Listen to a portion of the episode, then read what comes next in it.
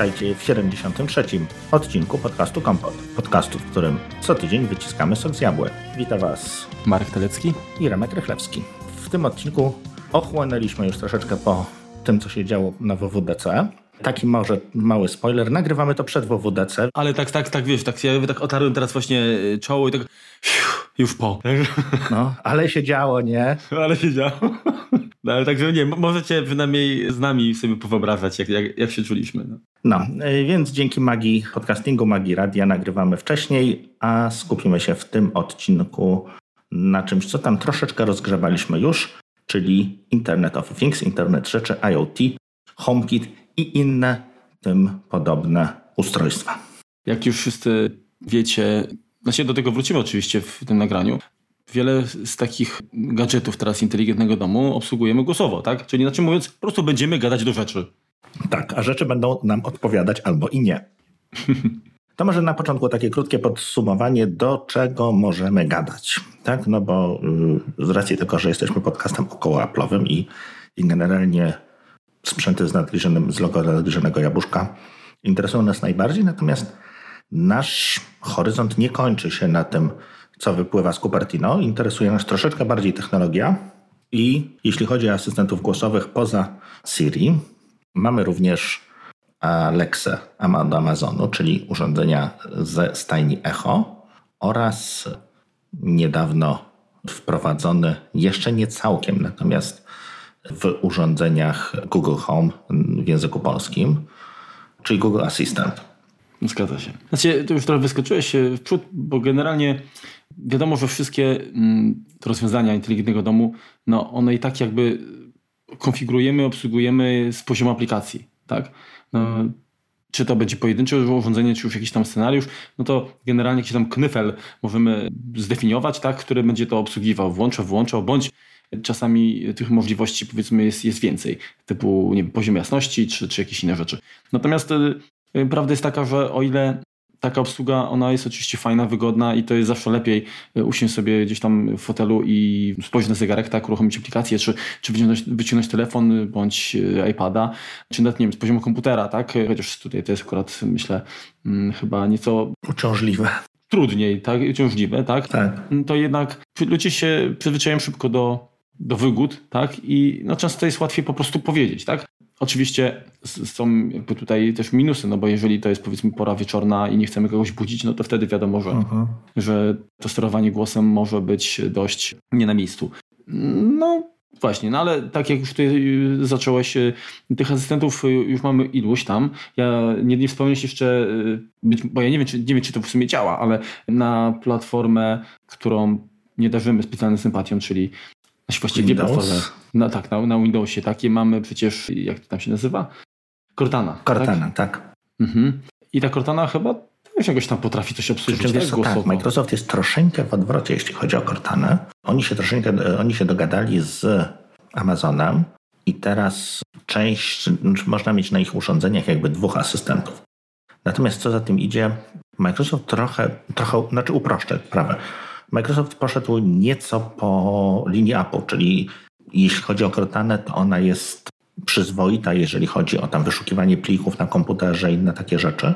Natomiast ona nie zdobyła uznania, nie zdobyła jakby wsparcia wśród producentów third party i dlatego no nie bardzo można nią tak naprawdę mm, w praktyce sterować smart home'em, tak? bo ona po prostu jest y, zamknięta pod tym względem. Oczywiście generalizuję, są wyjątki, natomiast tak jak w popularnych, nie wiem, żarówkach, tak, czy to będzie Tradfree, czy to będzie Philips Hue, no to znajdziemy w nich, czy, czy innych urządzeniach, tak, znajdziemy bardzo często, właściwie zawsze Alexa, bardzo często Google Home, prawie zawsze z tymi, którymi my mamy przynajmniej styczność, więc no to, to, to też jest jakby kwestia naszego spojrzenia na rynek, więc on może być nieco skrzywiony. HomeKit też się często pojawia, natomiast Microsoft bardzo, bardzo rzadko. Mhm. A powiedz mi, bo jest też asystent głosowy taki jakiś Bixby czy coś takiego, tak? Na, chyba u Samsunga. Tak. Czy on też obsługuje jakieś IoT? Nie mam zielonego pojęcia.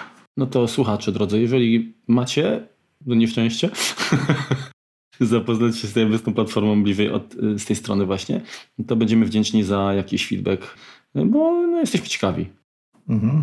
Ty jesteś, ja nie jestem. Mnie Samsung nie interesuje. Znaczy, wiesz co, nie, ja, ja, ja wychodzę z założenia, że przyjaciół trzymam blisko, wrogów jeszcze bliżej i, i lubię wiedzieć po prostu, co się dzieje, bo czasami no, ludzie do mnie, zresztą do ciebie też się zwracają z pytaniami i fajnie jest chociaż mieć jakąś szczątkową wiedzę na, na, na dany temat. To jak ty będziesz wiedział, to będę ich przekierowywał do ciebie. No, nie ma problemu.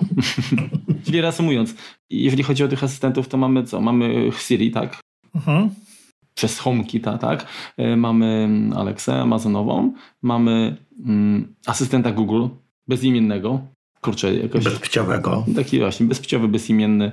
Nie wiem, kiedyś nawet szukałem, mówię, kurczę, jak się nazywa asystent Google? No, asystent Google. Butler, Butler. Googluś, kurczę, nie wiem.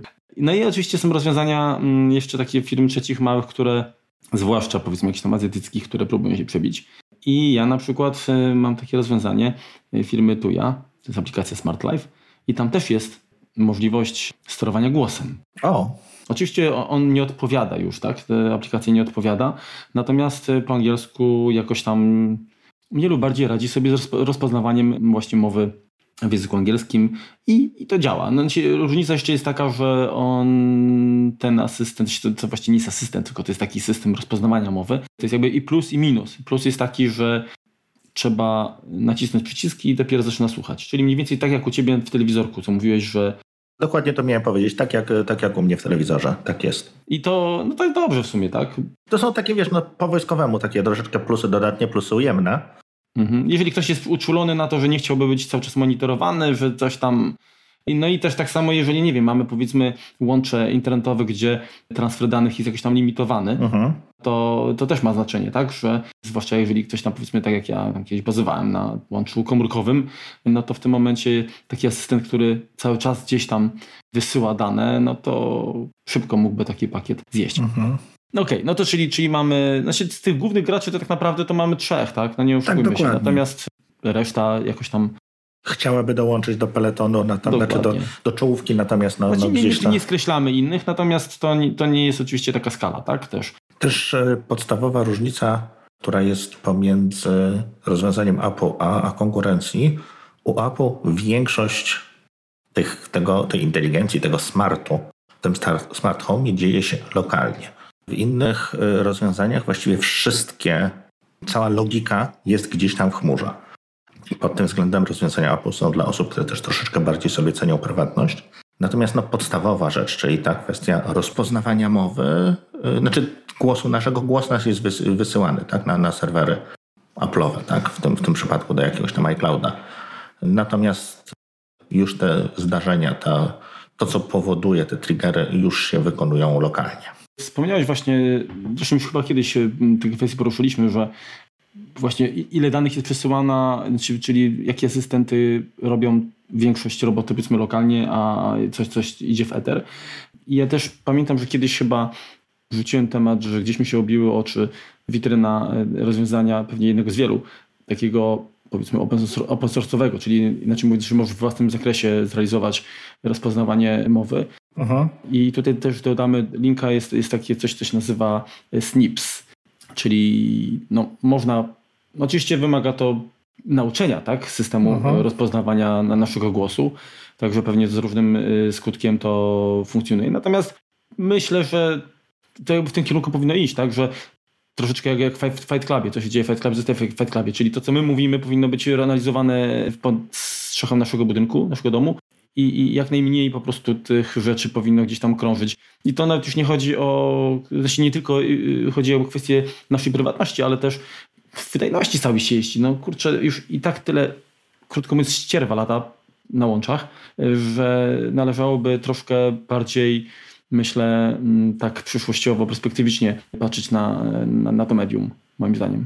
No na pewno, na pewno tak. No szczególnie też no, łatwo sobie jeszcze wyobrazić sytuację taką, że mamy problem z łączem internetowym. No i co, nie możemy zapalić światła w domu? No nie możemy doprowadzić do takiej dokładnie. sytuacji, że nie wiem, drzwi nas nie chcą wypuścić, bo zamek jest zablokowany, czy nie wiem, wy, wyłączają nam się ogrzewanie, bo popadł internet. No, no nie, no nie, musi to wszystko raczej działać lokalnie. I to jest, widzisz, to bardzo, bardzo ważna, ważna, ważna sprawa, którą podjąłeś, czyli zawsze powinna być jakaś furtka, która niestety też jest jakby potencjalnym źródłem zagrożeniem powiedzmy tak, taką luką bezpieczeństwa, tak?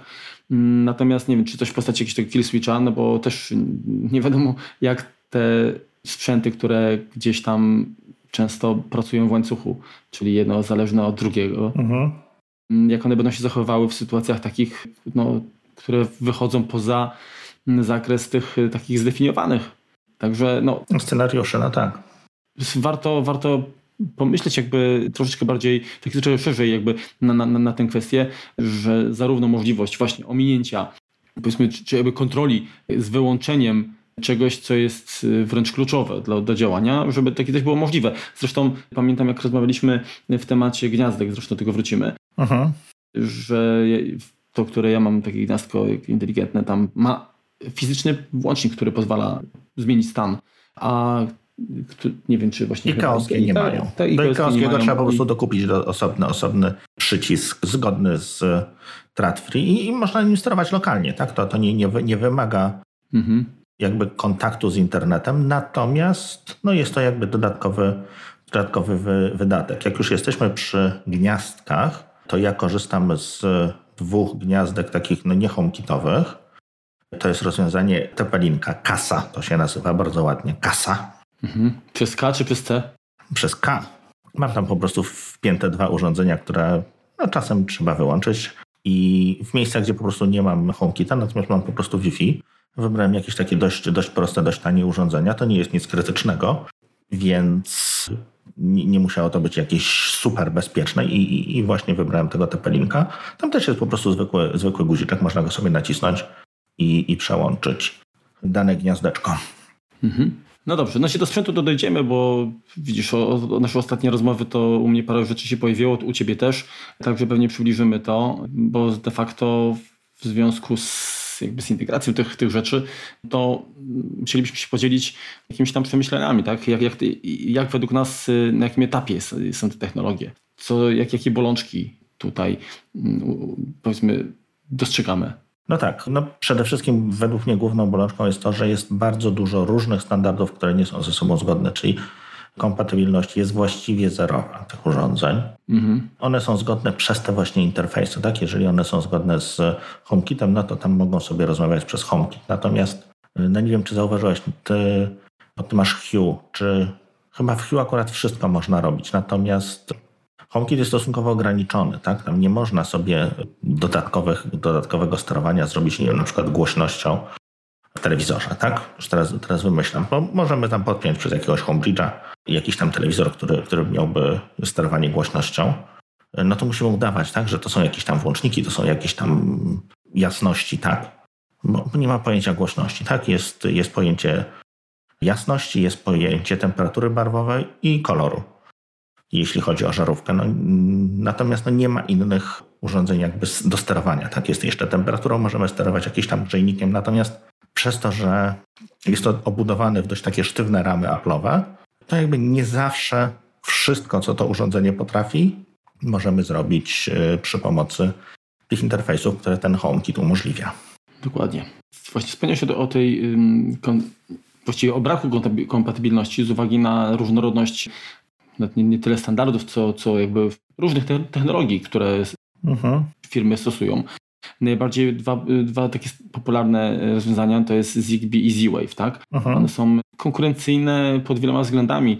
Pod względem nie, bezpieczeństwa czy jakichś tam możliwości oba chyba e, mniej więcej można powiedzmy postawić się w szeregu, natomiast e, bardziej chodzi o to, że jedno z tych rozwiązań e, zdaje się Z-Wave jest otwarty przez to jest jakby mm, bardziej zgodny, natomiast y, y, Zigbee y, jest kontrolowane przez jakieś tam konsorcjum i, i co więcej jest tak, że jeżeli software'owo urządzenia są zgodne, to nie znaczy, że, że sprzętowo będą się dogadywały. Także to, że, że inaczej kupimy ileś tam urządzeń, które będą miały naklejkę, tak, że wykorzystują taką, a nie inną technologię, to nie jest gwarancja tego, że one ze sobą będą się dogadywały jeszcze. Że tak, widzieć się będą. Natomiast jeżeli przyjdzie na przykład nam zupgrade'ować firmware, to się może okazać, że możemy zupgrade'ować firmware tylko przy pomocy urządzenia, przy pomocy aplikacji producenta i urządzenia, które jest y, zgodne, jest podłączone do bramki producenta, tak? No bo y, w, ani w iPhone'ie, ani w Macu, ani w żadnym innym urządzeniu Apple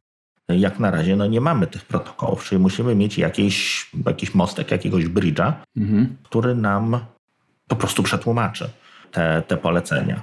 Więc jeśli chcemy, nie wiem, podnieść firmware w żarówce, no to musimy mieć bramkę producenta żarówki. Niestety, więc no tutaj się rodzi e, niestety problem z tym, że właściwie no, trudno znaleźć producenta, który miałby wszystko, tak? czyli od którego moglibyśmy super fajnie idziemy do jednego producenta, kupujemy od niego od żarówki, ogrzewanie, sterowanie klimatyzacją, roletami, zamek, nie wiem, czujnik zalania, czujnik otwarcia drzwi i tak dalej, i tak dalej. No nie ma czegoś takiego, ponieważ jak na razie nikt nie ma całego spektrum tych, yy, tych rozwiązań, więc musimy jak gdyby korzystać z kilku standardów, kilku producentów. No właśnie, znaczy, ta kwestia jakby instalowania mm, tych pomostów, tak, tych, tych bramek, mhm. znaczy to ona jest, ona, nie w każdym przypadku ona jest konieczna, natomiast ona dużo, dużo jakby upraszcza, dużo ułatwia, tak? Mhm. Też ja, no dobrze, to już właściwie trochę przybliżę może, co ja nabyłem, bo stwierdziłem, że no cały, czas jesteśmy, cały czas jesteśmy jakby na etapie raczkowania jakby tej technologii i nie bardzo chciałem wydawać no, jakieś niebotyczne sumy pieniążków na to, żeby no, krótko mówiąc pobawić się, tak? Tym bardziej, że to też jest istotne i do tego myślę, jakby sobie podyskutujemy na końcu.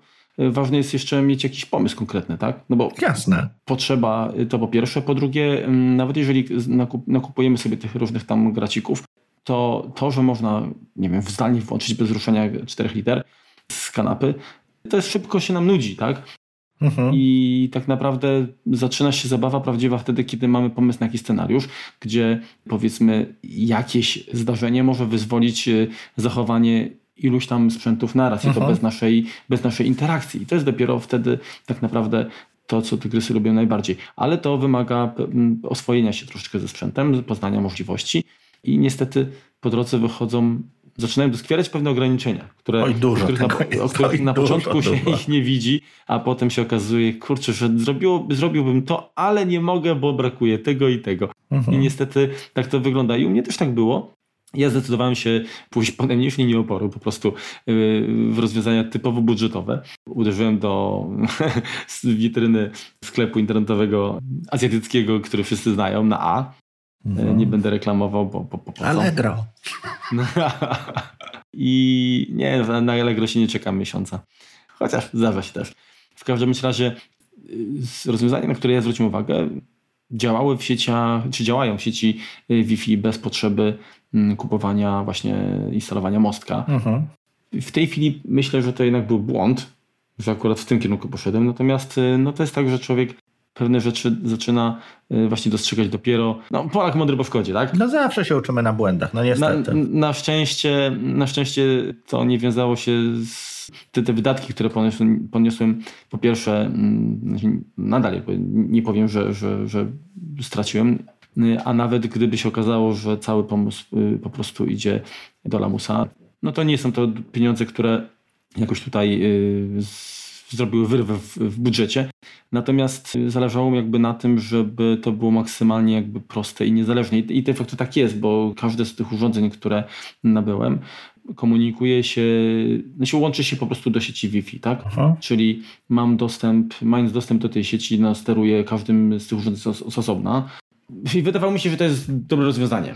Ale właśnie, no, są, są pewne ale, tak? Czyli jeżeli mamy mostek, tak, no to tak naprawdę komunikacja y, urządzeń z mostkiem jest niezależna od sieci Wi-Fi, tak? Czyli jeżeli mamy nie działa nam internet nawet, tak, powiedzmy, tak, czy no to, to cały czas za pomocą tego mostka i tak i tak się skomunikujemy, tak. Także tutaj to jest jedna kwestia. Druga kwestia jest taka, że no Wi-Fi jako medium, tak jako łącze, chodzi mi o kwestię mm, interfejsu sieciowego, no jest stosunkowo prądożerny, tak, to nie jest Bluetooth, to, to, to, to nie jest jakieś inne rozwiązanie, low energy i właściwie największy plus chyba to jest zasięg, tak? bo jednak Wi-Fi dysponuje tym zasięgiem. No tak jak jesteśmy w stanie pokryć budynek, to, to wszędzie, gdzie sięga sygnał, w każdym takim miejscu możemy zainstalować urządzenie i ono się nam skomunikuje. Ale jeżeli to są urządzenia, które same w sobie działają w trybie ciągłym i powiedzmy zasilane są z baterii, no to już może się okazać, że ta komunikacja przez Wi-Fi no, spowoduje y, szybki drenaż baterii, tak? To, to też nie jest jeszcze sytuacja taka, że, że bateria nam siada w ciągu tam miesiąca, tak? Często to jest tam powiedzmy kilka miesięcy prędzej. Niemniej należy jakby pamiętać o tym, że łączność Wi-Fi w urządzeniach, które wymagają własnego zasilania, nie jest rozwiązaniem najlepszym, najbardziej optymalnym. Dokładnie. Czyli jeżeli mamy jakiś, nie wiem, czujnik otwarcia okna, drzwi, czy jakiś czujnik ruchu nawet, tak, no, który dla wygody po prostu, no, to, że jest zasilany bateryjnie, to jest super, tak, bo możemy gdziekolwiek go umieścić. No to jeżeli on się łączy do, do, do sieci Wi-Fi, to Aha. prawdopodobnie kilka miesięcy, w zależności od tego oczywiście, jak często tam będziemy go wyzwalać, Aha. Ten, ten sensor, no to trzeba się liczyć właśnie z, z, wymianą baterii. Nie ma problemu. Mówisz, że aż miesiąc działa? Nie, więc to, to, to tak naprawdę nasi producenci podają, że nawet w latach, ale to jest przy założeniu kilku, kilku... Moja hulajnoga 30 km może przejechać. Poczekaj, poczekaj, no. To, wiesz, to, to, ale tam jest określone mniej więcej tak jak masz wiesz, w przypadku drukarek, że 500 stron, a 5% zadruku, tak? I tutaj jest też, mm, że wytrzyma ci 18 miesięcy, ale w momencie, kiedy 5 razy dziennie tylko zadziała. Jasne. No, czyli, czyli, czyli wiadomo, że to trzeba tam podzielić nie na dni przez cztery jak włos, tylko jeszcze bardziej. Uh-huh. Aczkolwiek y, ja korzystam z tych rozwiązań, nie wiem, z dwa miesiące. Uh-huh. I na razie w ogóle y, się wskaźnik zużycia baterii jakoś tam nie, nie, nie, nie sygnalizuje niepokojąco, żeby coś y, wymagało wkrótce interwencji. Jasne. Także reasumując, rozwiązania na które ja postawiłem. I to tak bardziej potraktowałem to po prostu jako, jako, jako inwestycję. Ok, tania zabawka, sprawdzę po prostu, co to potrafi, yy, czym to się.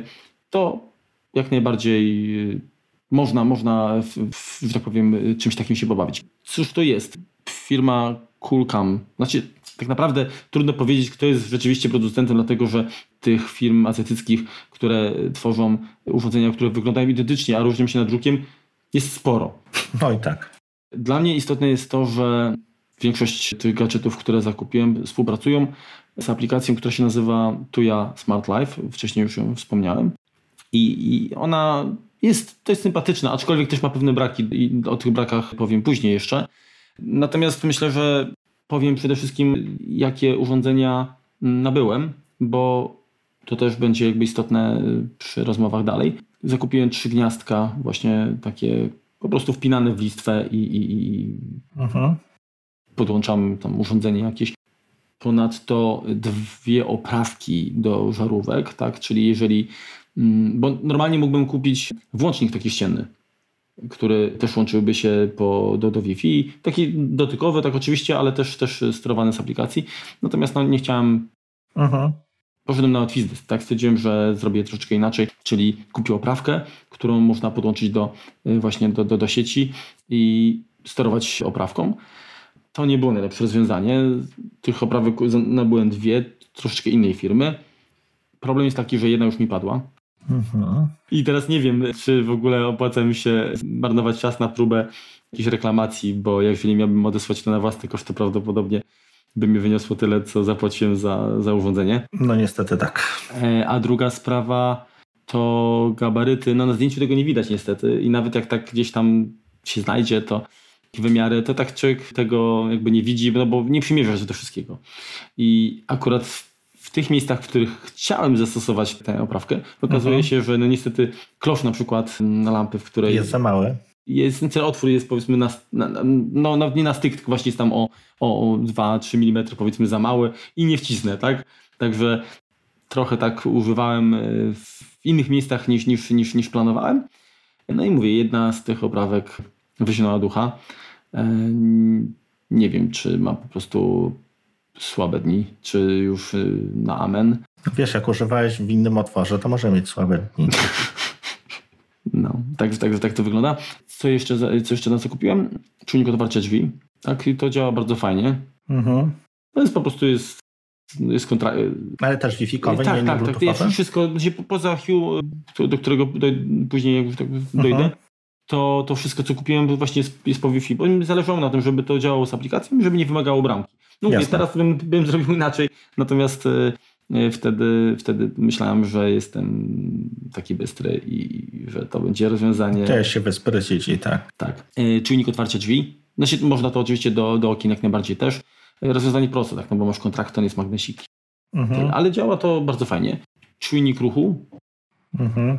czyli generalnie no, jak tam się powiedzmy ktoś prześliźnie, machnie ręką, no to on wtedy też przez aplikację sygnalizuje, tak, że, że się ktoś tam pojawił. Działa to no, oczywiście i w dzień i w nocy, także, także to chyba jakiś jest ultradźwiękowy, myślę. Mhm. I ma też szeroki kąt, że tak powiem, spoglądania, także, także działa to całkiem, całkiem e, dobrze. Fajnie można rzeczy robić, typu mm, włącznik czasowy, tak? Nie wiem, wchodzimy do, do, do toalety, no to oczywiście jak nas tam wykryje, no to zapala i ustawiam jakiś tam timeout taki, że nie po minucie czy po dwóch, no zależy jak ktoś ma problemy gastryczne, to musi machać potem, żeby włączać. Bardziej z dostępem do internetu. to też. Także i co jeszcze? I kamerę. I kamera jest chyba najlepszą zabawką, mhm. bo kamera oferuje całkiem przyzwoitą jakość obrazu ma możliwość przesuwania w prawo, lewo, góra, dół. No nie ma oczywiście... Ale ma tam silniczek i możesz nie ruszać. Tak, tak, tak, tak, tak, dokładnie. O, no to fajnie. Także z poziomu aplikacji normalnie można tam przy, przyglądać. Ma wbudowany mikrofon, który niestety jest kiepski, także tam słabo, raczej się nie, nie nadaje się do podsłuchów. Mhm. Chyba, że powiedzmy poprosilibyśmy osobę, która jest tam, bo chcemy z kimś powiedzmy porozmawiać w domu, żeby podeszła bliżej i mówiła prosto tym mikrofonem, to wtedy jak najbardziej. Natomiast gdzieś tam mm, parę metrów od, od tej kamery, no to już ten, ten głos nie jest tak e, precyzyjnie zbierany. I tak samo jest z drugą stronę, czyli ma wbudowany głośniczek i my możemy y, otworzyć kanał audio, czyli powiedzieć to przez, tym, przez tę kamerę, Aha. tak żeby było słychać w, w pomieszczeniu. Także pomysł fajny, wykonanie tutaj w kwestiach audio słabe, w kwestiach wideo całkiem niezłe. Mhm. 720p, tak, tak, czyli, czyli HD Ready, nazwijmy rozdzielczość. Mhm. Radzi sobie świetnie, moim zdaniem, i również ma diody doświetlające, także w nocy też poczerwieni, tak? Mhm. Można, można rejestrować. Jest czujnik ruchu w tym, tak? Czyli automatycznie nagrywa, jeżeli wykryje ruch. Mhm. Można robić zdjęcia, od razu w tym momencie zapisywane są do, do rolki aparatu, tak? Można nagrywać wideo, nie na zasadzie, bo oczywiście wideo się nagrywa jak, jak, jak, jak czujnik zadziała, ale możemy ręcznie wyzwolić, także dobra, od teraz nagrywamy na przykład. Wideo zapisywane jest na karcie, także jest, jest slot SD mhm. chyba na 32-gigową bodajże kartę maksymalnie obsłuży. Zasilanie jest po USB. Także bardzo fajna sprawa i super. Można, można to wszystko właśnie zestawić w aplikacji, połączyć, czyli przyjdzie powiadomienie, tak, jeżeli na przykład ktoś tam, nie wiem, wejdzie się pojawi, można wtedy podejrzeć i powiedzieć, o cześć, już jesteś na przykład, tak? Ale ono nie jest, ono nie jest zgodne w jakikolwiek sposób z HomeKitem. Niestety nie. Szukałem rozwiązania, jak, jak to się nazywa? Homebridge. Homebridge, tak. Mhm. E, I są moduły do niektórych urządzeń Tuya, niestety do kamery nie, chyba do, do gniazdek, mhm. jakiegoś włącznika, także z 3-4 urządzenia są obsługiwane. Myślę, że są osoby, które pewnie by ogarnęły temat i, i mogły mm, takie coś zrobić. Natomiast no ja jakoś tak na chwilę obecną odpuściłem. Aha. Nie jestem aż tak zdeterminowany, żeby, żeby wejść w to głębiej. Natomiast y, dało mi to jakiś ogląd tak, sytuacji, co można, co można zrobić. Jasne. To powiedz jeszcze jedną rzecz. Ile ona mniej więcej kosztowała, pamiętasz może? Kamerka? Tak. To znaczy się tak, za te wszystkie gadżety, czyli trzy gniazdka, dwie oprawki, czujnik y, ruchu, czujnik y, drzwi i kamerka. Ja wiem, wydałem z poniżej 400 zł, 350-400 zł w, tym, w tych granicach. Czyli no, moim zdaniem no niedużo, niedużo. tak? Niedużo. Sama kamera kosztowała poniżej 100 zł na pewno, gdzieś koło 80 paru złotych, aczkolwiek ja ją kupowałem w jakimś zestawie, tak? Czyli no jasne, jasne, córka nie była. No.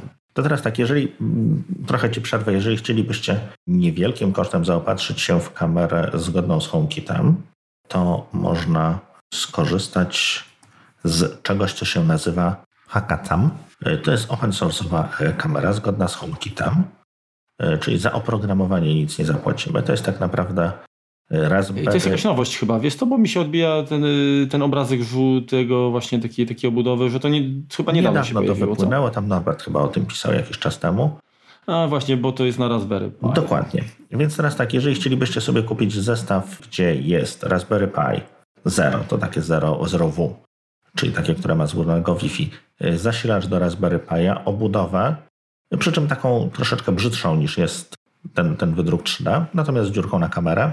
Y, samą kamerę i kartę pamięci to w Butlandzie, który nas nie sponsoruje, ale są jedynym dystrybutorem w Polsce, możemy ten zestaw kupić y, za 245 zł. Mamy właściwie wszystko, co, co potrzebujemy do tego, aby, aby taką kamerkę sobie uruchomić. Sprawdziłem, y, zainstalowałem to, działa. Ja mam co prawda starą tą kamerę, bo ja mam jeszcze z, poprzed... z pierwszej z pierwszej maliny moduł aparatu, więc on jest no, no kiepski jakościowo. Natomiast no, chodzi to rewelacyjnie prosto się to instaluje. Tak? Jest to naprawdę ściągasz plik, wgrywasz go na kartę pamięci, no oczywiście przy jakby specjalnie, tak? Trzeba jakąś tam aplikację to y, zapisać. Tworzysz jeden, jeden pliczek konfiguracyjny, gdzie masz po prostu informację na a, a propos sieci Wi-Fi, tak, żeby ona się automatycznie do sieci Wi-Fi podłączyła i koniec, jesteś, masz to podłączone, dwa kliknięcia w HomeKicie, że zgadzasz się, że podłączasz urządzenie, które nie jest y, certyfikowane, nie jest zaufane, no bo oczywiście nie ma certyfikacji i to działa. Jest też bardzo fajna obudowa, którą zamówiłem już u znajomego z drukarką 3D, którą, którą zobaczycie na stronie, jeżeli wejdziecie. To też mam zamiar spróbować, jak, jak działa też to w, z, z tą kamerą nową, tą wersją 2.0. Jest też również ta wersja 2.0, ma tą kamerkę w wersji bez filtra, czyli taką, która y, działa w nocy i chcę po prostu przetestować, jak coś takiego sobie mm, będzie działało. No widzisz. Przy czym tak, to jest tylko HomeKit, tak? Ona nie ma firmowo żadnych innych funkcji, żadnego połączenia na zewnątrz innymi protokołami, więc jest to stosunkowo bezpieczne. Jakąś aplikację ma tam Home 3, tak? E, wiesz co, można tak, można w aplikacji... Bo w tej aplikacji można właśnie tam jakieś, jakieś e, też e, czynnik ruchu tak obsługiwać, akcje, co ma się dziać i tak dalej, tak? Ona nie ma, ona ma tylko kamerę w sobie. Tak, tak, ale chodzi mi o to, że wiesz co, bo tutaj widzę jakiś persistent snapshot, tak, na przykład jakiś, jakaś, jakaś funkcja. Tak. Tutaj jest opcja detekcji ruchu.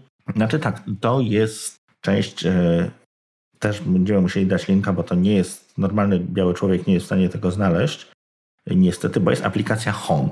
Z takim białym domkiem na żółtym tle, o której już kiedyś chyba mówiliśmy i ona umożliwia tak naprawdę troszeczkę więcej rzeczy do skonfigurowania niż standardowo HomeKit w iOSie, które, które aktualnie mamy. A, przepraszam, Rynku, czy to jest ta aplikacja, którą pokazywałeś, jak byłem u Ciebie? Tak. Że łączyłeś urządzenia różnych producentów, tak? Żeby, żeby... Tak, no można taki workflow zrobić, tak? Że jeżeli jest między innymi podstawowa sprawa. Mamy taki włącznik, wytłumaczę na przykładzie, żebyście wiedzieli o co chodzi. Mamy taki zwykły włącznik do światła, tak? Dotykowy pstryczek, pstryk, pstryk. Nie, nie włączy, wyłączy, tylko, do, tylko po prostu taki guzik, baton. Więc mamy, w tym batonie mamy jak gdyby trzy akcje firmowo z HomeKitu do skonfigurowania. Pierwsza to jest pojedyncze kliknięcie, podwójne kliknięcie i długie kliknięcie, tak? Czyli możemy trzy akcje zaprogramować. Dobrze, pierwsza akcja, którą programujemy, włącz światło. Jeżeli wciska się guziczek, włącz tam, nie wiem, 2, 3, 5, 10 żarówek, obojętnie, tak? Coś takiego można zrobić przy pomocy HomeKita. Natomiast jeżeli chcemy wyłączyć te żarówki, to musimy zaprogramować inną akcję. Czyli na przykład podwójne kliknięcie. I wtedy wyłączę. Nie ma możliwości w samym HomeKicie, może już teraz jest, zapowiedziana przez Apple, ale w moim e, telefonie jeszcze nie, stworzenia zapal światło, jeśli jest zgaszone. Zgaść światło, jeśli jest zapalone. Takie bardzo proste rozgałęzienie czynności w zależności od jakiegoś stanu, który mamy zastany. I przy pomocy tej aplikacji Home, do której linka znajdziecie w opisie odcinka, bo właśnie go za chwilkę wkleję, możecie właśnie takie proste, dodatkowe warunki dodać. I w niej również można wejść sobie na kamerkę, co właśnie robię.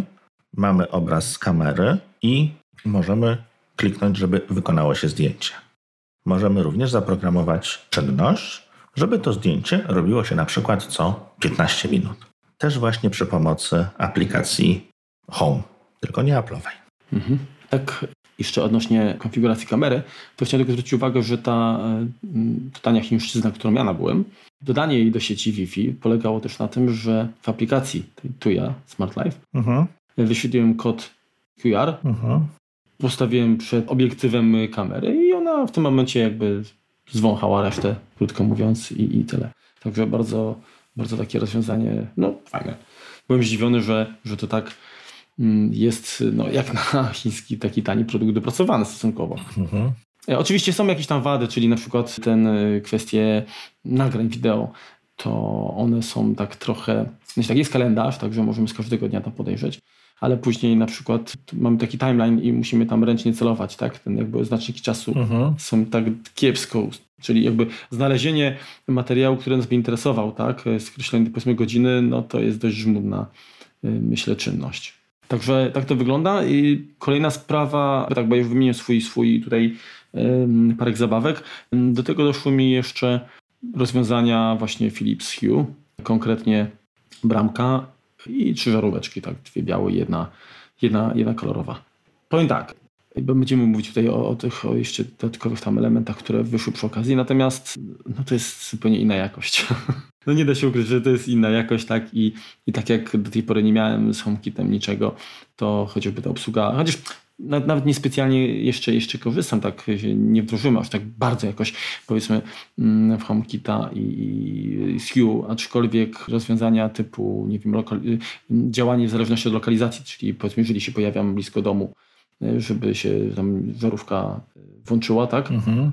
No to w przypadku Philipsa, kiedy korzystam z HomeKita, tak, bo HomeKit jest w stanie jakby sprawdzić jakby moją pozycję, tak. to działa to ja wiem, w, w odległości 50 metrów do 100 w tych granicach, myślę. Natomiast tu ja y, nie ma czegoś takiego, tak, ale współpracuję z IFTTT mhm. i tam można ustalić jakiś wyzwalacz akcji w zależności od, od tego, czy się pojawię w zasięgu w, w jakimś obszarze lub go opuszczam. No ale tam to jest niestety na poziomie gdzieś 400-600 metrów. Jasne. Także jest, jest dużo, dużo większy jakby margines błędu. Znaczy ma to swoje plusy i minusy, tak, no bo powiedzmy i wychodzimy, nie wiem, rano po, po bułki, tak, i, I, powiedzmy jest tak, że ustalamy, że jak wychodzimy z domu, e, to wszystkie sprzęty mają się wyłączyć, tak? No bo zakładamy, że, że, że nas nie ma, no to nikt nie będzie korzystał. No ale powiedzmy, że ktoś w domu jest i wychodzimy tylko po chlebek, mhm. no to niekoniecznie byśmy chcieli, żeby wszystko się wyłączyło, tak? No to u mnie jak byłeś, to doświadczyłeś właśnie te, czegoś takiego, że wyszedłem z psem a, i, i zrobiła ci się ciemnica. No i niestety tak to, tak to działało. No, także właśnie jest dużo takich problemów, które wychodzą i o których już powiemy. Tak? No, na razie wymieniliśmy tą ograniczoną kompatybilność, tak? wymóg instalowania pomostów. Tak, jeżeli chodzi o, o, te, o te bramki, to trzeba jakby zwrócić też uwagę, że w tym przypadku, tym, tym moim tanim, no to ja, ja mówiłem, że jakby zasięg Wi-Fi jest jakby tutaj elementem kluczowym i stosunkowo łatwo to poprawić. Mhm. Natomiast te pozostałe rozwiązania, które bazują na, na bramkach, y, czyli właśnie tam oparte na, na Z-Wave, Zigbee, to trzeba zwrócić uwagę, że to jest tak, że to urządzenie, że to urządzenia między sobą się dogadują, tak?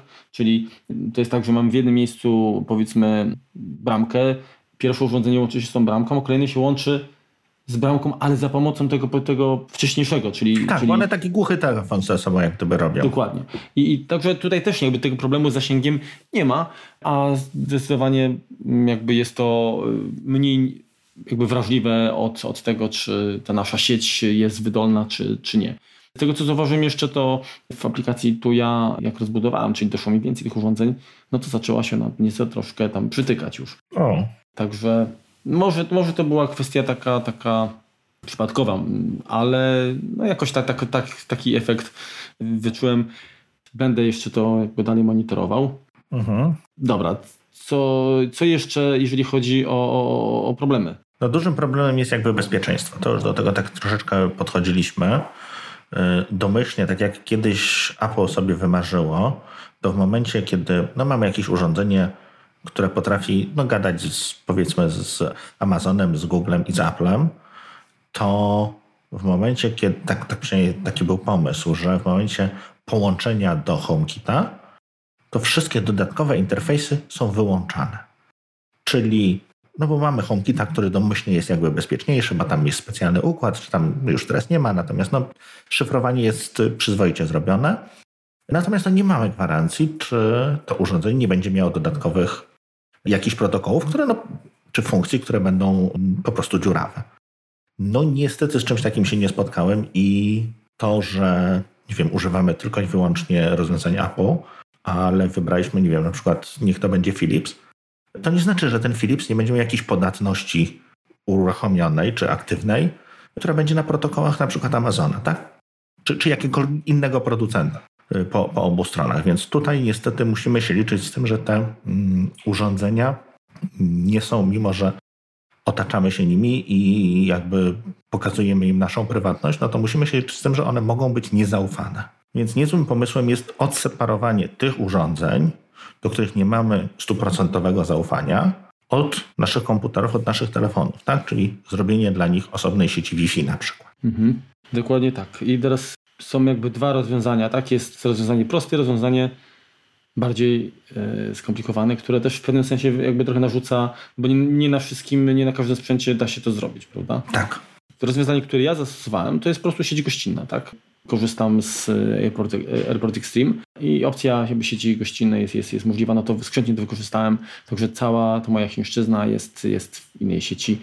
Co oczywiście też czas, wychodzą czasami problemy, tak? bo jeżeli chcemy sterować z pomocą y, Google'a, no to, to, to jakoś tam przy konfiguracji trzeba się też przełączyć pod, mm, z tymi sieciami. -huh. Natomiast generalnie da się to, y, da się to y, jakoś tam obejść. No tak, właśnie bardzo ważna sprawa przy konfiguracji mhm. tych urządzeń, konkretnie z aplikacji. Bardzo często musimy tym naszym telefonem wejść do tej sieci, żeby konfigurować tą bramkę no czy jasne. urządzenie bezpośrednio. Natomiast później na szczęście już, już, już to odpada i teraz tak to, to właśnie nie powiedziałem może, ale przynajmniej na, na, na takich szczytach, która się łączy do do sieci Wi-Fi. No, każdy z tych urządzeń oczywiście ma jakiś na swoim MAC adres, ma i gdzieś tam się pewnie łączy do Azji, albo no nie wiem, jakieś rozwiązanie jest, bo, bo normalnie z tej aplikacji, czyli z Tuya Smart Life, możemy, będąc już poza naszą siecią, korzystając chociażby z połączenia sieci komórkowej, sterować nimi. I, i to jest no, oczywiście bardzo wygodne.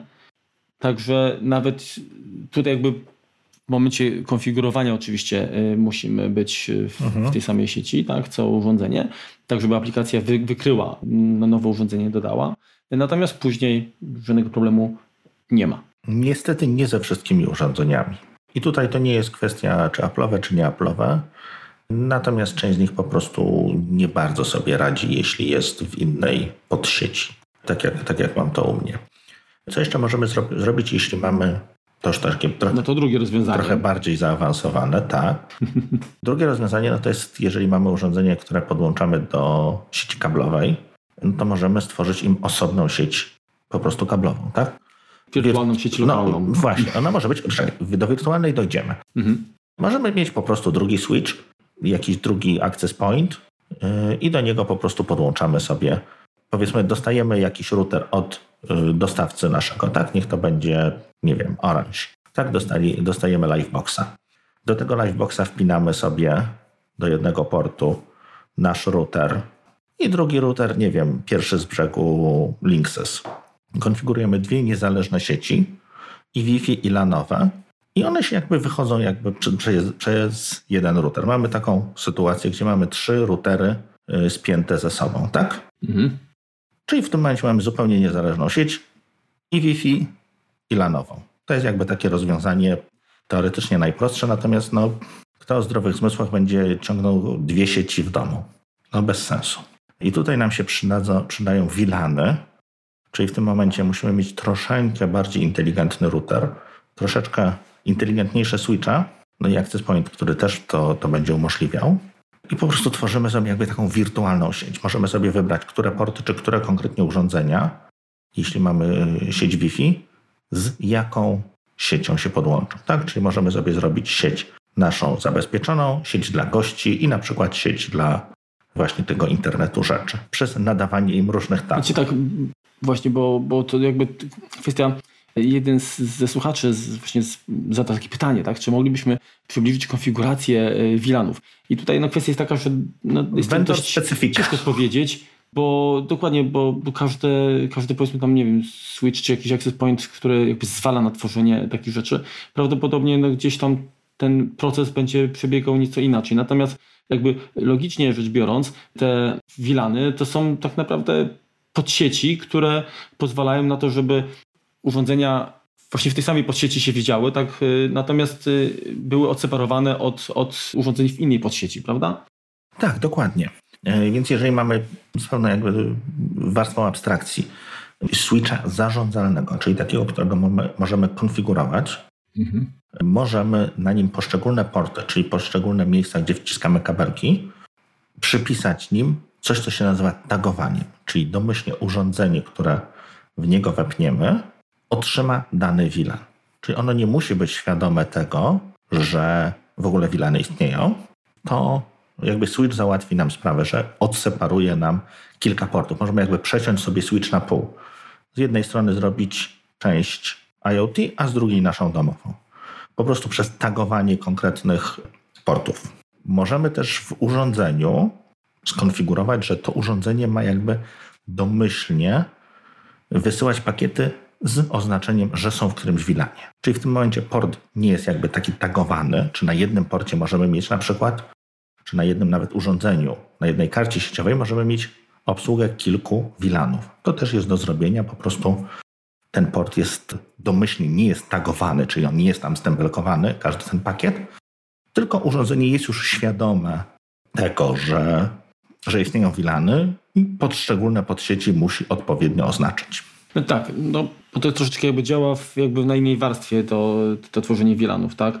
Bo oczywiście możemy sobie jakby podrobić pod sieci i zmienić tylko adresację, ale to jakby tematu nie załatwi. Tak, tak? one bo, będą się widzieć. W, one będą się widzieć. No. I domyślnie będą sobie to... przeszkadzać, jeśli chodzi o DHCP, mhm. to w jednym musielibyśmy po prostu mieć statyczny. Tak też możemy zrobić, tak? O sobie skonfigurować, że wszystkie nasze urządzenia IoT mają na przykład na stałe przypisany adres IP, nie wiem, 10.00 coś tam, natomiast my się posługujemy serwerem DHCP, który będzie odpowiadał na 192, 168, nie wiem, 5, coś tam. To wtedy jak najbardziej zadziała, natomiast no, to nie jest zgodne ze sztuką, no bo te urządzenia jakby będą się widzieć, te pakiety również będą wędrować do, do urządzeń, do których nie powinny trafić, a jeśli mamy VLAN i inteligentny switch, to jest to odseparowane logicznie, natomiast nie przechodzi fizycznie. O. Mhm. A powiedz mi, bo oczywiście jeżeli chodzi o przełączniki, no to, to, to muszą być przełączniki zarządzalne, tak. tak, żeby można było każdy port od, od, odpowiednio tam mhm. przypisać do, do konkretnego VLANu. Natomiast jak, jak, jak to się realizuje w, w przypadku sieci bezprzewodowej? W przypadku sieci bezprzewodowej organizuje, realizuje się to w ten sposób, że właściwie na dwa sposoby można to zrobić. Znaczy dwie warstwy są. Z jednej strony, konfigurując sieć bezprzewodową, nadajemy jakiś SSID, identyfikator sieci bezprzewodowej. I teraz możemy w troszeczkę bardziej zaawansowanych access pointach, dodatkowo przypisać, że do tego SSID ma być przypisany dany VLAN. I on w tym momencie taguje te pakiety, które przychodzą po Wi-Fi, do LANu wrzuca już z tagiem odpowiednim, VLANowym. Okej. Okay. No czyli, jak słyszycie, no, jest to do zrobienia, natomiast wymaga troszeczkę większych inwestycji, bo ten sprzęt musi mieć możliwość po prostu, musi wspierać jakby taką funkcjonalność. No i troszkę, troszkę trzeba się nagimnastykować, natomiast poziom jakby tej separacji bezpieczeństwa jest tutaj najwyższy, tak? No tak, tylko wiesz, to też musimy też, ważna sprawa, tak? Musimy też, część rzeczy musi pomiędzy tymi sieciami przechodzić.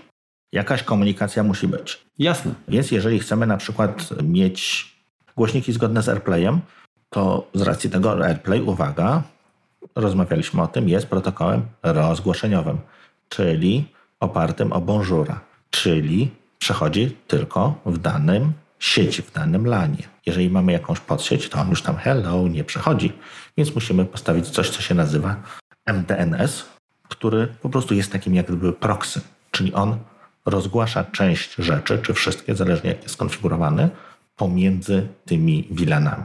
No ale troszkę zmniejsza to bezpieczeństwo. Więc jakby coś za coś. Zdarza się również tak, że część tych y, urządzeń potrzebuje mieć jakieś otwarte porty. Czyli w tym momencie możemy y, zablokować jak gdyby dostęp, te, dostęp urządzenia, jak to będzie żarówka, do naszej sieci LAN, natomiast na jakimś tam porcie pozwalamy nie, jej się komunikować z nami, bo my na tym porcie właśnie nią sterujemy. Tak to jakby w, w przybliżeniu działa. No tak, tylko to wymaga oczywiście też pewnej wiedzy, bo trzeba albo jakimś snifferem przedzwonić, zobaczyć jak to gada, na jakim porcie. Przegooglować, posprawdzać i tak nie będzie działało, Dokładnie. spędzić kilka wieczorów.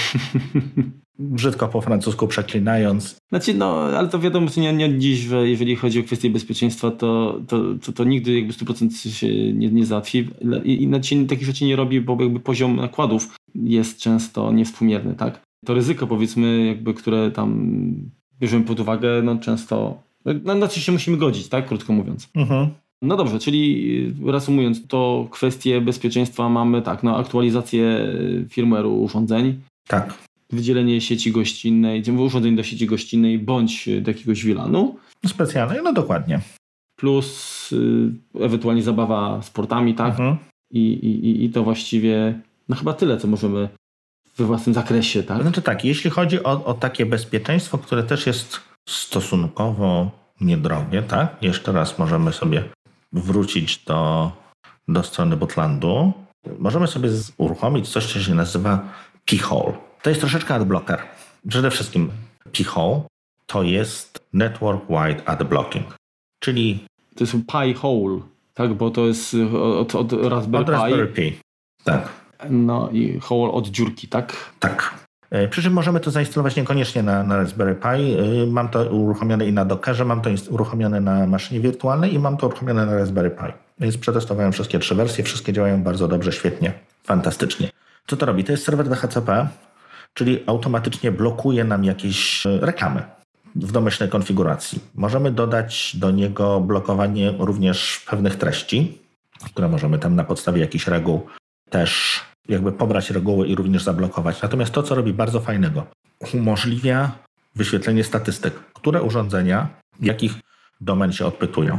Nie da to Wam poglądu na to, co rzeczywiście przez sieć chodzi, no bo część może no, było pytanie do Amazona, ale nie wiadomo, po co ten Amazon, po co ta żarówka nasza do Amazona wysłała zapytanie przede wszystkim, no i nie wiemy, ile tych danych wysłała, czy pobrała. Ale wiemy, że komunikacja... Sprawdzała jest na gwarancji. Dokładnie, wiemy, że komunikacja była. Bawię się tym od jakiegoś czasu i pozwala dodatkowo zobaczyć, jakby co, te, co w tej naszej sieci się dzieje. Pewien, te, pewien tego wycinek, natomiast jest to, jest to bardzo ciekawe. To, co ostatnio zauważyłem, to jest to, że Niestety masę aplikacji łączy się różnymi stronami, które zapewniają jakąś analitykę, jakąś statystykę, jakieś analizę logów. I to są właściwie aplikacje od, od wielu producentów znanych. I tego ruchu mam w sieci naprawdę sporo. Teraz aktualnie jest to zablokowane. Te aplikacje dalej działają. Więc no niestety, tak jak trudno korzysta się już niestety z sieci bez adblocka, no bo to jest uciążliwe po prostu. Tak, trudno. No może troszeczkę oszukujemy tych twórców, natomiast no to też jakaś przesada jest po drugiej stronie, tak? No dopóki to były jakieś tam banery, no to, o, to były banery, tak? Teraz jeżeli te banery się pojawiają co dwa wpisy na jakichś blogach, gonią nas czy, czy śledzą, no to trzeba po prostu z tym walczyć i tutaj trudno uważam, że jeżeli jedna strona przesadza, to druga może się bronić. Powiem Ci, że fajne to jest urządzonko, czyli to jest taki, taki Little Snitch troszeczkę jakby z AdBlock połączone razem, tylko... Przede wszystkim ma piękne statystyki. A instalujesz tak, żeby zabezpieczało całą sieć. Tak. Mhm. Możesz tam sobie zdefiniować, do jakich serwerów dalej y, korzysta DNS-u. Sam jest serwerem proxy, czyli on jakby tych wszystkich zapytań dalej nie przesyła, bo część jak gdyby magazynuje, więc też odciąża nam troszeczkę ten ruch internetowy. No i tak jak ja patrzy, patrzyłem u siebie, no to mimo tego, że jakiegoś tam mam adblocka i, i generalnie raczej nie hasam bez, bez niego po sieci, to dodatkowe jakieś 7% stron, czy zapytań o DNS on mi filtruje. I to są na przykład zapytania od aplikacji, które, do których nie mam adblocka, tak? które jakby działają niezależnie, czy to będzie iOS, czy to będzie macOS, czy, czy każdy inny system. Na przykład no, wielka sprawa to jest to, że on wyrzuca setki zapytań do analityki Microsoftu, różnych, wiesz, no, ruszysz myszką, jest informacja y, wysłana do Microsoftu. To nie jest kwestia śledzenia, tylko budowania telemetrii, saraty, taty i tak dalej. Ale ja tego nie chcę, więc mogę sobie to wyłączyć. No, oczywiście. Tym bardziej, że, że nikt się nas się nie pytał o to. Tak? No pytali się tam trochę się, na, na to się akurat no. zgodziłeś, na to się zgodziłeś. No oczywiście tak, jest whitelista, możemy sobie wyłączyć pewne rzeczy, blacklista możemy sobie dodać. Możemy na chwilę wyłączyć to, jeżeli mamy jakiś problem. Wiesz to, być, być może kiedyś to będzie tak, że, że te statystyki, ta telemetria uratuje nam życie, tak? Mhm. Jak, jak teraz masz przy zegarku Apple Watch weryfikację, czy rzeczywiście się przewróciłeś, czy nie, wszystko jest mhm. ok, tak, że musisz potwierdzić, to może tutaj, wiesz, y, jak jesteś tak monitorowany non-stop, to nagle jak, nie wiem, kilka klawiszy naraz będzie wciśnięte, to się okaże, że zweryfikują, no dobrze, normalnie Rychlewski pisał to, jak pisał, to były te klawisze, a teraz tu jest i spacja, B, e, V, G, być może zjechał Dobrze, Marku. po prostu i walnął czołem na klawiaturę. Ja wszystko rozumiem, tak, zgadzam się z tym, ale do, i teraz sobie tutaj coś, ja przemilczę, albo wstawię Artuditu, czemu ta telemetria włączona jest na czymś, co się nazywa Windows Server. To jest przegięcie.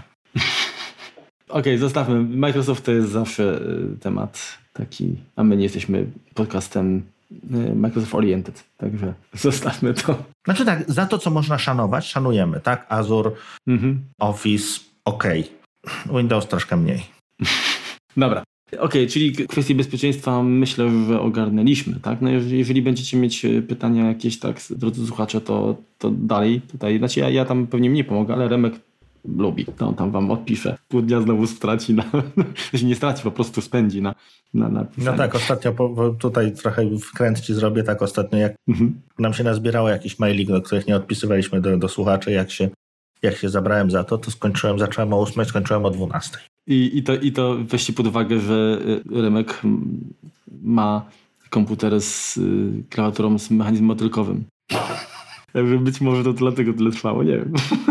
Dobra, dalej, jakie jeszcze tutaj kwestie problemów, to tak, jeżeli chodzi w ogóle o kwestię obsługi głosowej, no to biorąc pod uwagę, że tak, mamy różnych asystentów, to w zasadzie i tak i tak żaden z nich nie gada po polsku, tak, no bo o ile Google, asystent Google działa z aplikacją i tutaj powiedzmy to jakoś tam da się ożenić, to już w przypadku głośnika nie. od Google'a to, to się nie da, czyli trzeba po angielsku. I dochodzą tutaj jeszcze kolejne problemy, tak? Bo jeżeli powiedzmy nazwiemy sobie urządzenia po polsku, uh-huh. no to wtedy wychodzą takie kurioza, tak? Ja mam na przykład, yy, znaczy, no ja oczywiście z angielskim problemów nie mam, natomiast jestem troszkę takim patriotą. Angielski i... ma z tobą problemy.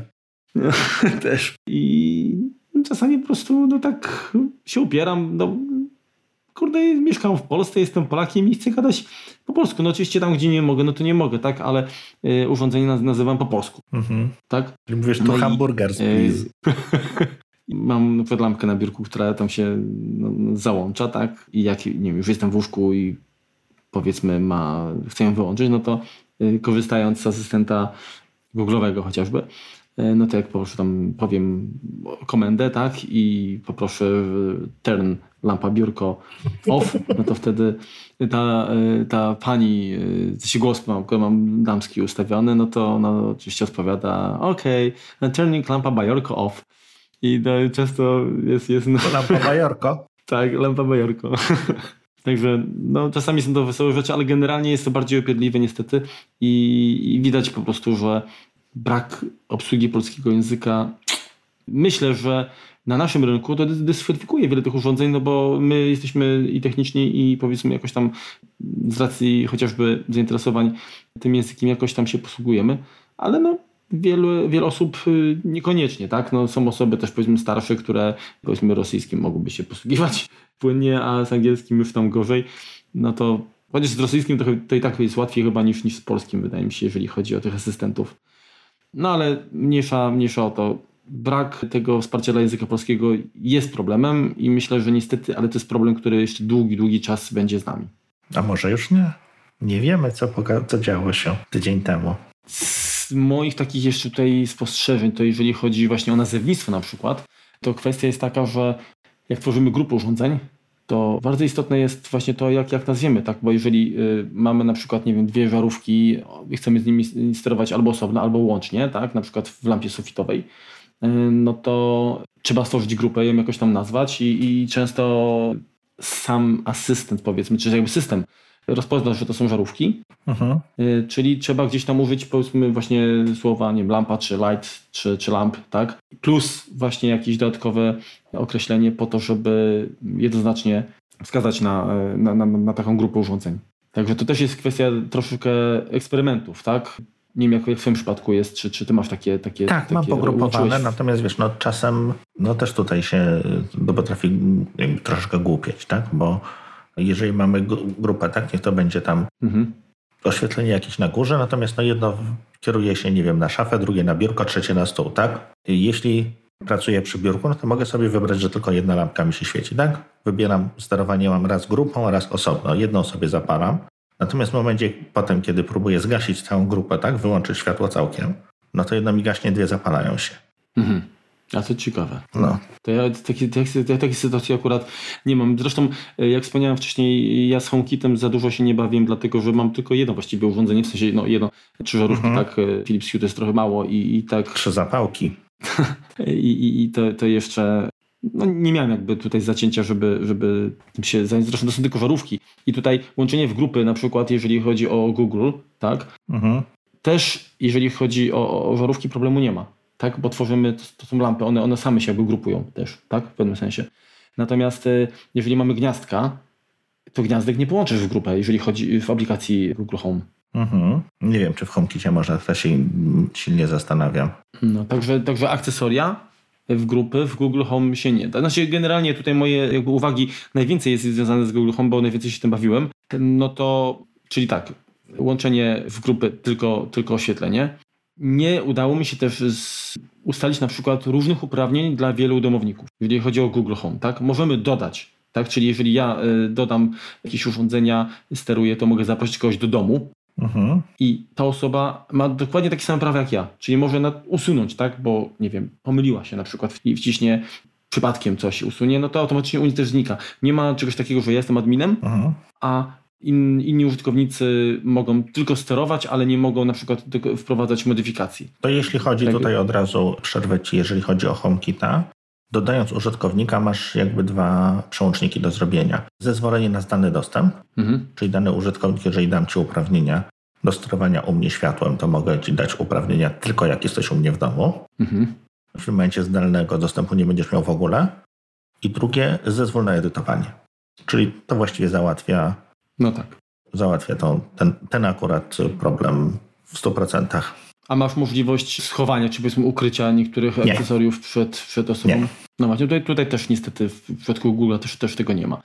Kolejna sprawa, wcześniej mówiłem, że te, te, te, te gadżety, które z Tuya, no ja głosowo obsługuję je właśnie za pomocą Google, y, asystenta Google, to no, nie zadziała na przykład sterowanie głosowe, jeżeli jestem poza siecią Mhm.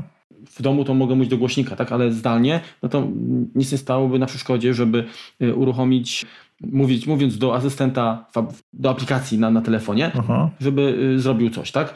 I tego się nie da. Natomiast Siri da się. No tak, tak, tak, tak, tak, tak. Czyli tutaj jakby jest kolejny, kolejny minus dla, dla Google. Um, następna sprawa, wyzwalacze, tak? Jeżeli chodzi o na przykład właśnie lokalizację, no to w Google Home tego nie ma. Znaczy, inaczej, jak, jak przyjdziemy do domu, powiemy, ok, Google, jestem w domu, tak? Zrób tam coś, albo inaczej, jestem w domu, no to w tym momencie, jeżeli mam przypisane jakieś akcje, y, że mają się dziać, no to, to tak. Ale na bazie lokalizacji, tak? Naszego telefonu, powiedzmy, które mamy zawsze przy sobie, Mhm. jeżeli się zbliżymy do domu, to Google sam nie zadziała. I to jest też dziwne, bo to jest przecież kurczę firma, która chyba wie o nas najwięcej i najlepiej nas śledzi, a nie potrafią jakby tych danych wykorzystać jakby z pożytkiem dla nas, tak? W takiej usłudze. I jeszcze jedną rzecz, którą tutaj, jeżeli chodzi o Google'a, doświadczyłem, to może to wynikało z tego, że miałem dwie słuchawki, tak? W sensie, znaczy jakby dwóch użytkowników, ja skorzystam z iPhone'a, drugi użytkownik z telefonu z Androidem. Aplikacji Google Home, jakby i, i asystent Google'a na Androidzie i na iOSie wyglądają inaczej. O, To nie są jakby różnice takie kolosalne, ale pewne opcje, których szukasz, się okazuje, że ich po prostu tam nie ma w tych, w takich samych miejscach, to po pierwsze. A po drugie, jest problem z rozpoznawaniem głosu różnych użytkowników, tak? No bo generalnie chodzi o to, że tak, ja mam konto powiedzmy tak i jak spytam się na przykład głośnika, tak, żeby kto ja jestem, no to powinien powiedzieć, e, że jesteś Marek, tak? Polak mały. Drugi użytkownik, jak- Przepraszam, Polak duży, rozmawialiśmy o długości tutaj. Drugi użytkownik jak spyta, no to też jeżeli mamy y, ten voice match y, skonfigurowany, to powinien być też rozpoznany, tak? Czyli, no, no bo do czego zmierzam? Y, Możemy przecież wybierać, y, nie wiem, chociażby rozmowę telefoniczną, tak? Zainicjować połączenie. Mhm. No to y, nie chciałbyś, żebym ja, y, mówiąc do głośnika, wybierał numery z twojej książki adresowej, tak? Mm. Tylko z mojej. No przekonałeś mnie, Prawda? tak nie chciałbym. No właśnie. I tutaj niestety są, pro, są problemy. Tak? Właśnie kolejna sprawa, y, jeżeli chodzi już tej ostatnia, którą pamiętam. Możemy sterować Googlem mówiąc w różnych językach, tak? Mhm. Czyli możemy powiedzieć tam po angielsku, jeżeli znamy, nie wiem, rosyjski, niemiecki, to możemy też nauczyć go albo zadać pytanie po, po, po niemiecku i on też tam pewnie odpowiedzieć. No ja. I to działa i nie działa. Inaczej mówiąc, jak mamy jednego użytkownika, to to działa, jak mamy ilość tam użytkowników, to niestety zaczyna to się rozjeżdżać. Albo czasami dochodzi do sytuacji, że zadasz pytanie po angielsku, odpowiada ci w innym języku. Też zabawnie. Dobrze, to teraz tak. Jeżeli chodzi o Google'a, to są moje spostrzeżenia. Jakie są twoje, jeżeli masz coś do dodania? O Google, wiesz co, nie polubiliśmy się, co pewnie wiesz, Mhm. bo dałem ci swojego asystenta, swojego ponczusia. Mhm. Czyli Google Home Mini. Tak. Notabene fajny gadżet, ale jak widać, zanim, zanim widzisz, poprosiłem cię, żebyś zabrał głos, ale tylko w kwestii podsumowania Mhm. z mojej strony, jeżeli chodzi o Google. Spodziewałem się, że automatyka od tej firmy będzie na dużo wyższym, bardziej zaawansowanym poziomie. Rozpoznawanie głosu w ogóle, tak, działa fajnie, po polsku też działa fajnie. Myślę, że pod wieloma względami Siri zachowuje się jak głupia dzida, tak, w porównaniu Mhm. ale pod względem takiej, nie wiem, możliwości konfiguracji, automatyzacji, to jednak ten Google Home to jest cały czas jeszcze dwulatek, powiedzmy. Dobra, to tutaj was w tym momencie was pożegnamy. O tym, co się dzieje u Apple'a i co się dzieje u Amazona, pomówimy w następnym odcinku, do którego zapraszamy was za tydzień. Na razie dziękujemy wam za uwagę. Pamiętajcie, żeby oceniać nas. Bardzo lubimy, jak nas oceniacie. Bardzo lubimy, jak nas chwalicie. Jak nas ganicie, też lubimy wbrew pozorom, bo w ten sposób możemy się poprawić. Nie zawsze będziemy chcieli się poprawiać, bo część waszych uwag jest kwestią gustu. Tak? Na przykład nie będziemy zmieniać na razie muzyki, która otwiera HomePod, mimo że części z was się ona nie podoba, ale nam się podoba, to trudno, można przewinąć. No, Ja myślę, że przesadzasz tam części. Ja pamiętam chyba może jedną uwagę. No jedna uwaga była dobrze. To bardzo mała część. Tak. Możecie nas śledzić na Twitterze i tam też nas znajdziecie. Mnie można znaleźć jako RZOG, marka jako Mantis30, tak jest. Całe zamieszanie występuje jako applejuice.pl. Zapraszamy do iTunes, zapraszamy do Twittera, zapraszamy do maila. Wszystkie linki na tematy, które, na tematy, które poruszaliśmy w tym odcinku znajdziecie w opisie odcinka. Tam znajdziecie również maile do nas. I tyle. Bardzo Wam dziękujemy i do usłyszenia. Do usłyszenia, trzymajcie się. Poza kolekcją. Już, już jest dobrze. Poża, poża, pożar się Boże. Rozgałęzienie, rozgałęzienie w, jakby w, w warunkowe. Nie wiem, muszę to edytować. Czekaj. No wiem, wiemy, co, wiemy, co ci chodzi. Też ten, ale, ale no tak, bo generalnie Poczekaj, to już to wytnę. Momencik. To dzisiaj fajną stronę znalazłem, muszę tylko sobie odszukać. Dokładnie. Głośniki zgodne z, z Payem. z, z e, AirPlayem Właśnie. Nie, przepraszam cię. Już zaczynam ten. Coś klikło mi się. myślałem, że, że mnie tutaj... Chyba zdjęcie ci, To zro... musi się zdjęcie ci zrobiłem. No właśnie widzę i to wy, wy, wykasuj, bo wyglądam głupio. Koniec. Tak, dobra.